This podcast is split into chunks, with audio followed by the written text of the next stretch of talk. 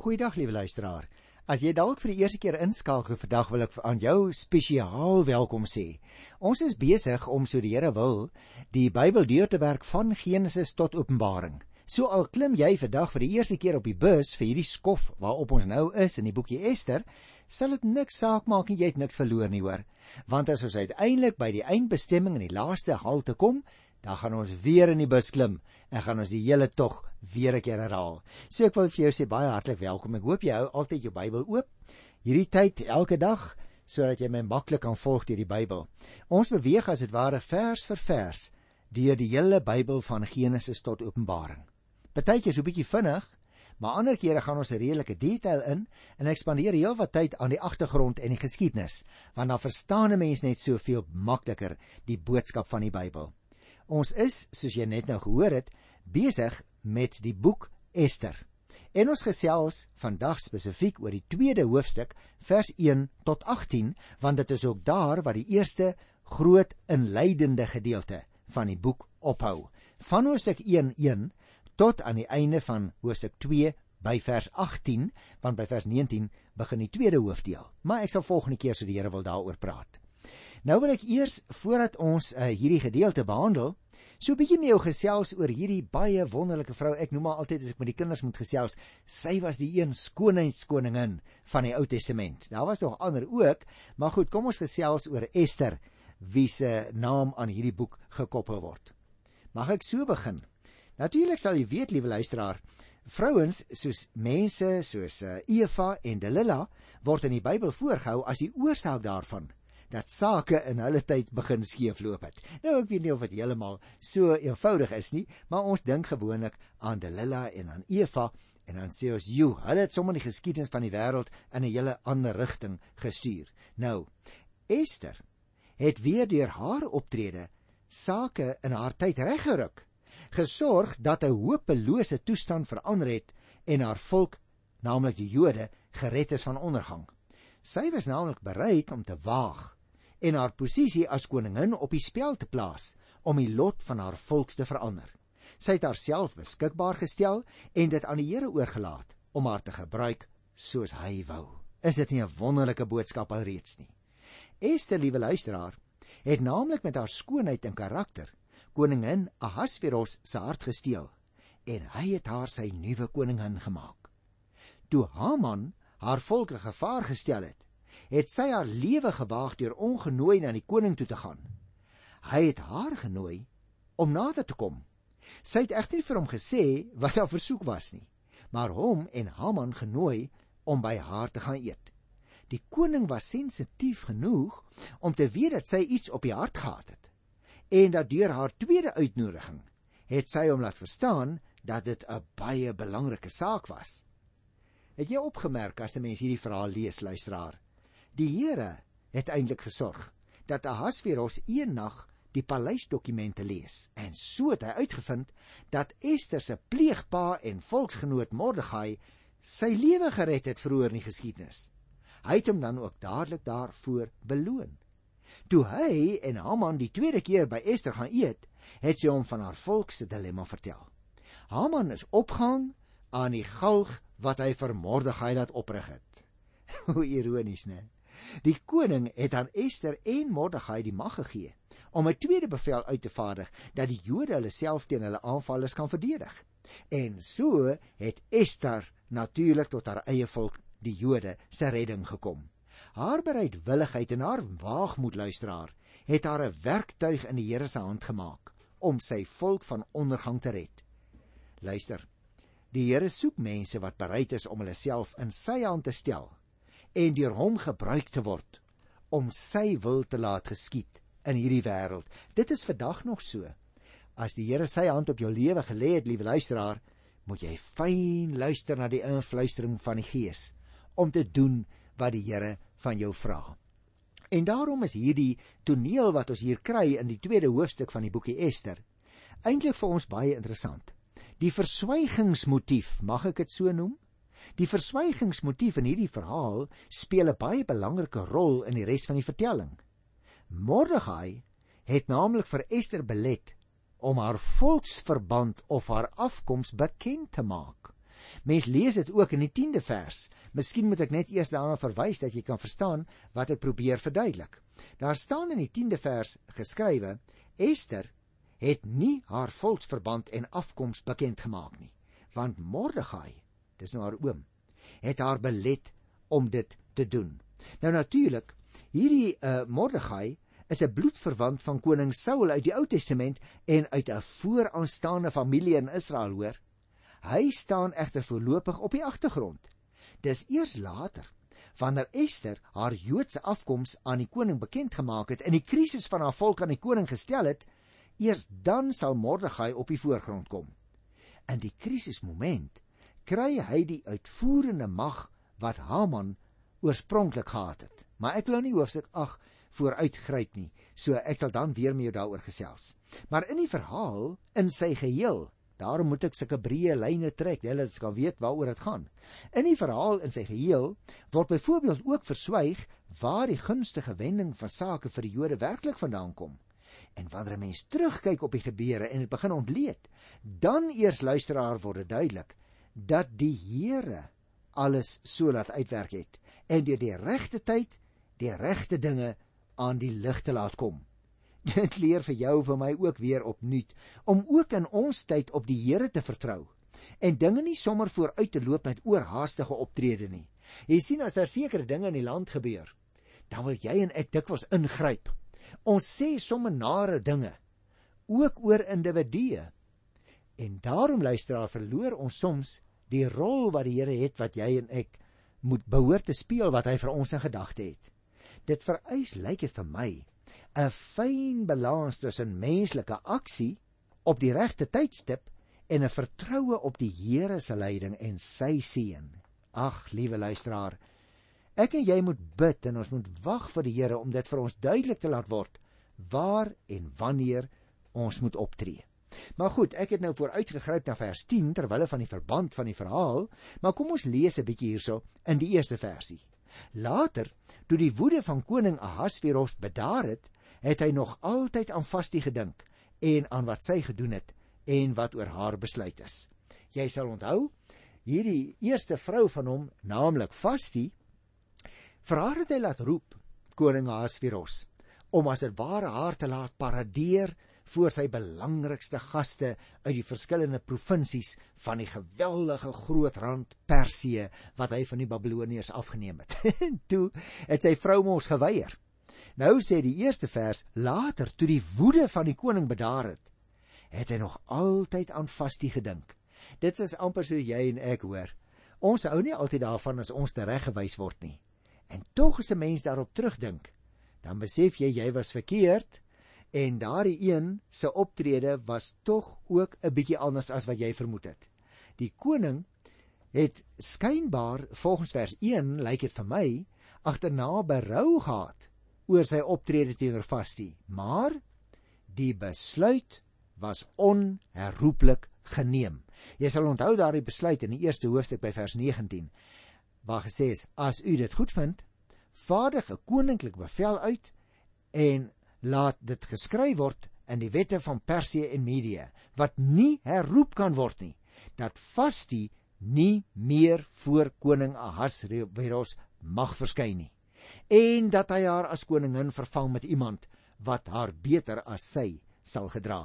Jy weet dit was die dilemma waarin die koning nou gesit het. So hy is deur sy raadgewers, daar was sewe van hulle, so geadviseer en om sy eer te, nie te laat afspoel met die drein nie, was hy geforseer eintlik om daardie bevel uit te vaardig. En nou natuurlik, so as hy stil sit onder die prieel daar in die hoofstad Susan by tye, kan ek my voorstel dan dink hy tog terug aan Vasti sy eerste vrou, want jy moet onthou die Bybel het vir ons gesê in die eerste hoofstuk, sy was ook 'n baie mooi vrou. Die tweede versie sê: "Toe sê die amptenare wat in die koning se persoonlike diens was, die koning moet vir hom mooi meisies laat soek. Nou sal jy onthou net soos van tevore, daardie eerste hoofstuk van die 16de vers af, kom die amptenare nou met 'n voorstel. O, oh, ek wil amper sê 'n voorstel wat so bietjie heroorweeg moes geword het. Hulle bied dit aan as 'n voorstel om die koning te help. Die koning het naamlik aanspraak gehad op die dogters van enigiemand van sy onderdane. nou sê hierdie manne vir die koning, "Ah, ek dink meneer die koning, jy moet uh, so 'n bietjie van die mooi meisies in die hele ryk laat soek." Nou dit was natuurlik nie so 'n maklike ding nie. Kom ek lees van vers 3 tot by vers 4.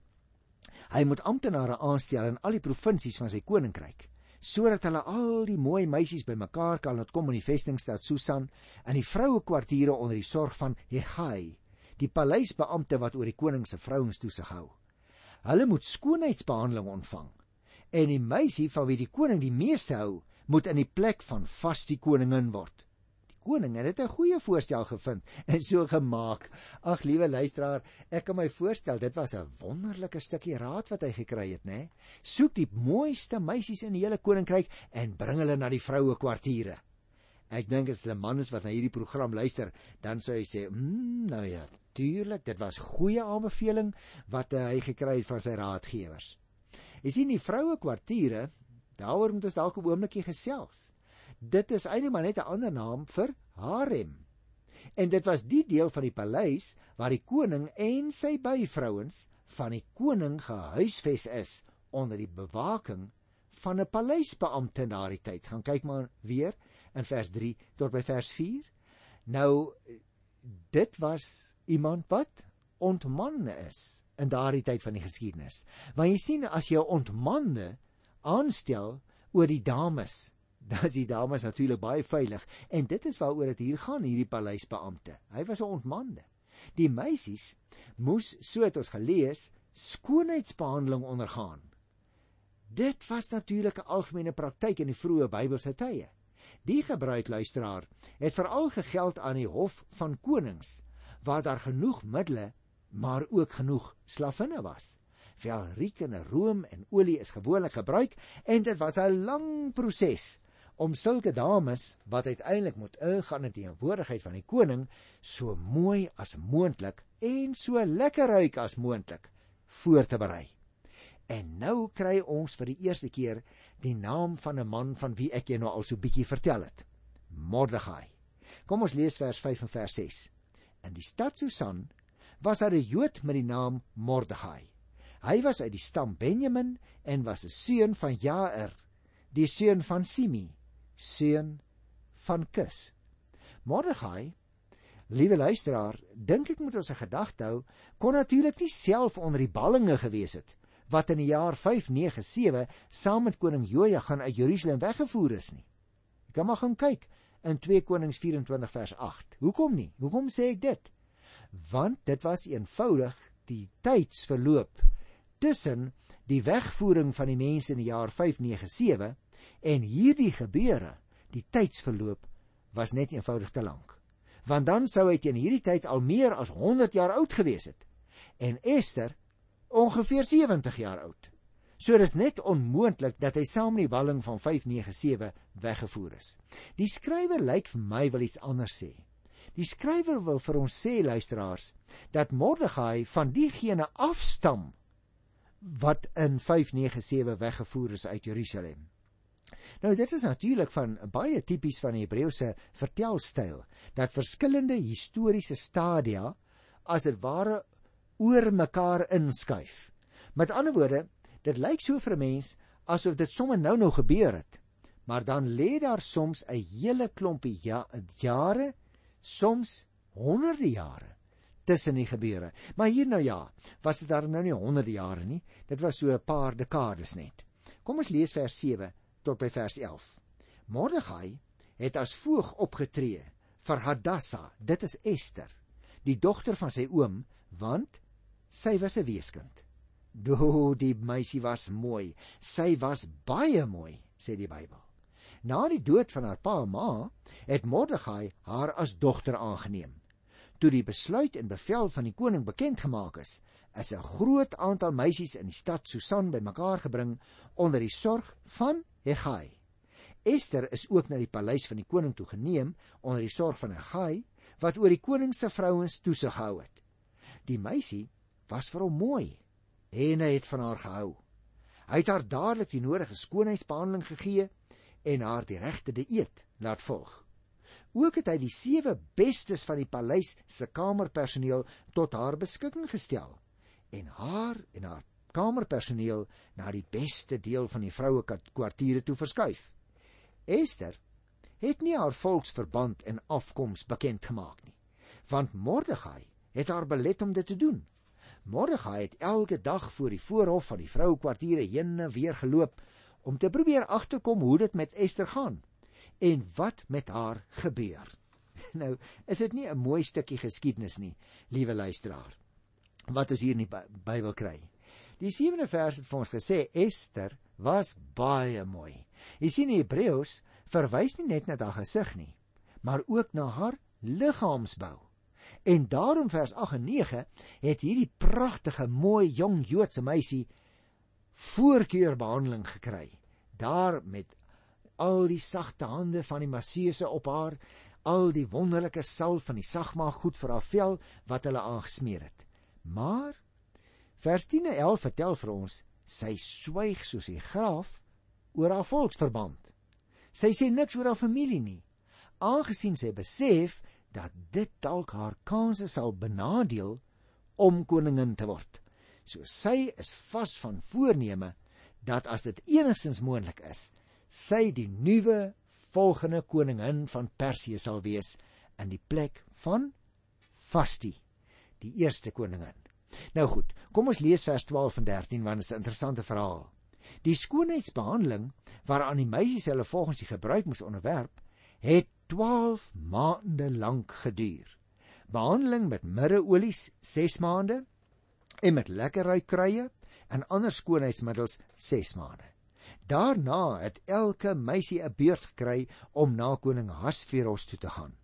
Wanneer sy uit die vroue kwartiere na die koning se paleis toe gaan, kon elke meisie alles saamvat wat sy wou.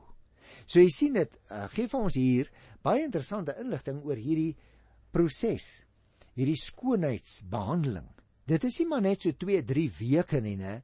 Party van ons Ongelukkig is ek nou nie in daardie kategorie nie, maar party van ons stuur ons vrouens soms so 'n bietjie vir 'n skoonheidsbehandeling, nou nie om vir hulle te sê, hoorie, maar jy's baie mooi nie, maar om te sê ek wil jou graag nog mooier hê. En kan jy jou voorstel hier in die tyd van die Ou Testament 'n hele jaar lank, kan jy dit glo? Ondergaan hierdie dames skoonheidsbehandeling. Die behandeling tussen hakies met mirreolie waarvan ons hier lees in 12de vers van mirreolie en balsam was bedoel om die meisie op haar beste te laat vertoon en lekker te laat ruik wanneer sy uiteindelik by die koning kom. En daarom lees ons in die 5de vers ook: "Vra besoek aan die koning, kon sy die klere en die versiersels van haar eie keuse saamneem." Nou wonder ek, liewe luisteraars, Party van die Joodse dames het sulke pikswart oë, né? Sulke mooi donker hare, soms so bietjie effens van 'n krom neus. Dikwels 'n slank nek. Dit is vandag nog so by baie van uh, die dames van Joodse afkoms en hierdie een het nou 'n wonderlike geleentheid gekry om haar te laat troetel en haar te laat pamper soos die vrouens sal sê voordat sy by die koning ingaan. Want dan moet sy op haar beste lyk. Vers 14 en 15. Sy het in die aand in die paleis ingegaan en in die oggend is sy na die twee stel vroue kwartiere toe onder die sorg van Saasgas, die paleisbeampte wat oor die koning se byvroue toesig gehou het. Sy kon nie weer na die koning toe gaan nie, behalwe as hy baie van haar gehou het en sy natuurlik geroep word. Vers 15 vertel: Esther was die dogter van Abigail, 'n oom van Mordegai, wat haar as sy dogter aangeneem het. Toe haar beurt kom om na die koning toe te gaan, het sy niks meer gevra as wat Hegai, die paleisbeampte wat oor die koning se vrouens toesig gehou het, vir haar aanbeveel het nie. Sy het 'n goeie indruk gemaak op almal wat haar gesien het. Jy sien luisteraar, die koning het natuurlik sy oordeel gevel nie slegs op grond van die meisie se voorkoms nie, maar ook op grond van die nag se saamwees met die betrokke meisie. Die meisies wat aan die toets onderwerp is, het mos in elk geval in die koninklike harem as byvrouens aangebly en kon nie na hulle ouer huise toe teruggaan nie. Dit was 'n deel van hulle lewe waarvan die boek toegemaak is. Daarom moes Ester ook die beste maak van haar nuwe situasie. Kom ons luister na vers 16 en 17. Ester is na koningin Ahasveros toe in die paleis geneem in die 10de maand, die maand Tibet, en die 7de regeringsjaar van die koning. Die koning het meer van Ester gehou as van enigeen van die ander vrouens en hy was meer in sy skik met haar as met enige ander jong meisie. Hy het toe die kroon op haar kop gesit en haar koningin gemaak in die plek van sy vorige koningin Vasti. Nou kom ons gesels net 'n oomblik hier oor voordat ons klaarmaak vir vandag luisteraar wat jy sien. Ester verskyn voor die koning in die aand. Tibet word dit genoem. Met ander woorde 4 jaar nadat Vasti verstoot is. Dis 'n baie interessante datum. Dit beteken dus dat 4 jaar nadat sy verstoot is, kom Ester eers die geleentheid kry om na die koning toe te gaan. En dit ook nou nog na die skoonheidsbehandeling wat sy intussen deurloop het. Kom ons luister na vers 18 want eintlik wil ek ophou by vers 18 vir vir vandag. Ek lees dit. Die koning het toe 'n groot onthaal gegee vir al sy hoë amptenare en almal wat in sy diens was. 'n Onthaal ter ere van Ester. Hy het die verpligting van sy onderdane en al die provinsies verminder en geskenke uitgedeel met koninklike vrygewigheid. Ons kry dus hier 'n baie interessante wenteling in die optrede van die koning. Jy sal nog onthou toe vas die koningin was, het ons die eerste hoofstuk gelees hoe dat hy 'n fees vir sy belangrike amptenare gehou het wat 6 maande lank aangehou het. En toe het hy ook nog 'n fees gereël wat 'n week lank aangehou het waarin hy die mense van die stad, die hoofstad Susan, onthaal het en ek vir jou gesê dis eintlik om hulle gunste wen. En nou lees ons weer van hierdie groot fees wat hy hou. Nou die keuse van 'n nuwe koningin, luisteraars, word dus gevier en in hierdie vertelling vorm die onthaal die teenpool van die vorige onthaal in Hoofstuk 1 van die 5de vers af. Met ander woorde, daar was vas die die groot verleentheid van die koning. Van nou af staan Ester in die middelpunt van die gebeure. Die teenpool moet ons dus baie duidelik opmerk. Die koning se vrou, naamlik natuurlik die koningin, was in vastiese tyd geweldig in verleentheid gestel. Want vastie het geweier om soos 'n skoupop te verskyn voor die koning se belangrike gaste. Nou teenoor die optrede van die vorige vastie is daar nou hierdie Ester wat dan pragtig mooi is. Sy is een van die jong meisies uit die verre uithoeke van die land en sy vorm nou eintlik die middelpunt van die gebeure. En as deel van die feesviering het die koning geskenke uitgedeel en die staan daar verpligtinge van sy onderdane verminder. Met ander woorde, hy het hulle minder belasting laat betaal. 'n Ander interpretasie van die oorspronklike Hebreëse teks is natuurlik dat daar 'n vakansiedag dwars deur die ryk aangekondig is. Nou ja, liewe luisteraar, ons weet nie presies waarna hier verwys word nie, maar een ding is seker. Die koning het nou weer 'n keer gespeel op die gevoel van sy mense. Hy wil weer die populêre een raak. Hy wou weer soos 'n vorige keer toe hy sy vrou Vastie om die lewe laat bring het, wou hy weer wys dat hy die koning is, dat hy buitendien ook baie goeie smaak het.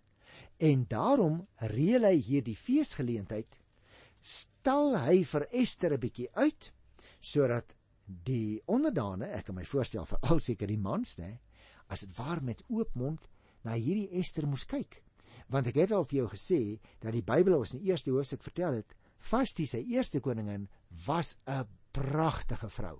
Maar nou ja, Ester het haar eintlik nou die loef afgesteek. Nou wil ek dadelik sê liewe luisteraar, ons moenie vergeet nie die Here bly nog steeds in beheer. En daarom moet 'n mens bereid wees om op te tree en te vertrou dat die Here jou sal gebruik om sy wil te laat geskied. Niks is te klein en niemand is te onbelangrik vir die Here nie om in sy diens gebruik te word. Dink 'n bietjie oor hierdie verhaal van Ester. Sy kom sommer maar nêrens vandaan. Maar sy gryp die geleentheid aan wat haar gebied word. wanneer sy in die harem van die koning opgeneem word, sê sy vir haarself, maar ek gaan dit gebruik. Ek gaan selfs nie hier in hierdie hartseer omstandighede sit en treur en my lot bekla nie. Ek gaan my situasie gebruik as 'n springplank. Ek gaan nie soos met 'n meelsteen onder toegetrek word nie. Ek gaan my situasie gebruik as 'n springplank want ek wil hier eindig waar ek begin het op hierdie dag nie. Mag ek vir jou ten slotte vra lieve luisteraar? Hoe hanteer jy probleme? Gaan sit en gaan sit jy in sak en as en kerm en kla oor jou lot of sê jy, "Wow, ek gaan hierdie situasie gebruik as 'n springplank want ek gaan een trappie hoër eindig as wat ek begin het." Mag die Here jou help om so positief te kyk na jou eie situasie. Ek groet jou liewe luisteraar in die wonderlike naam van die Here tot volgende keer. Tot dan. Totsiens.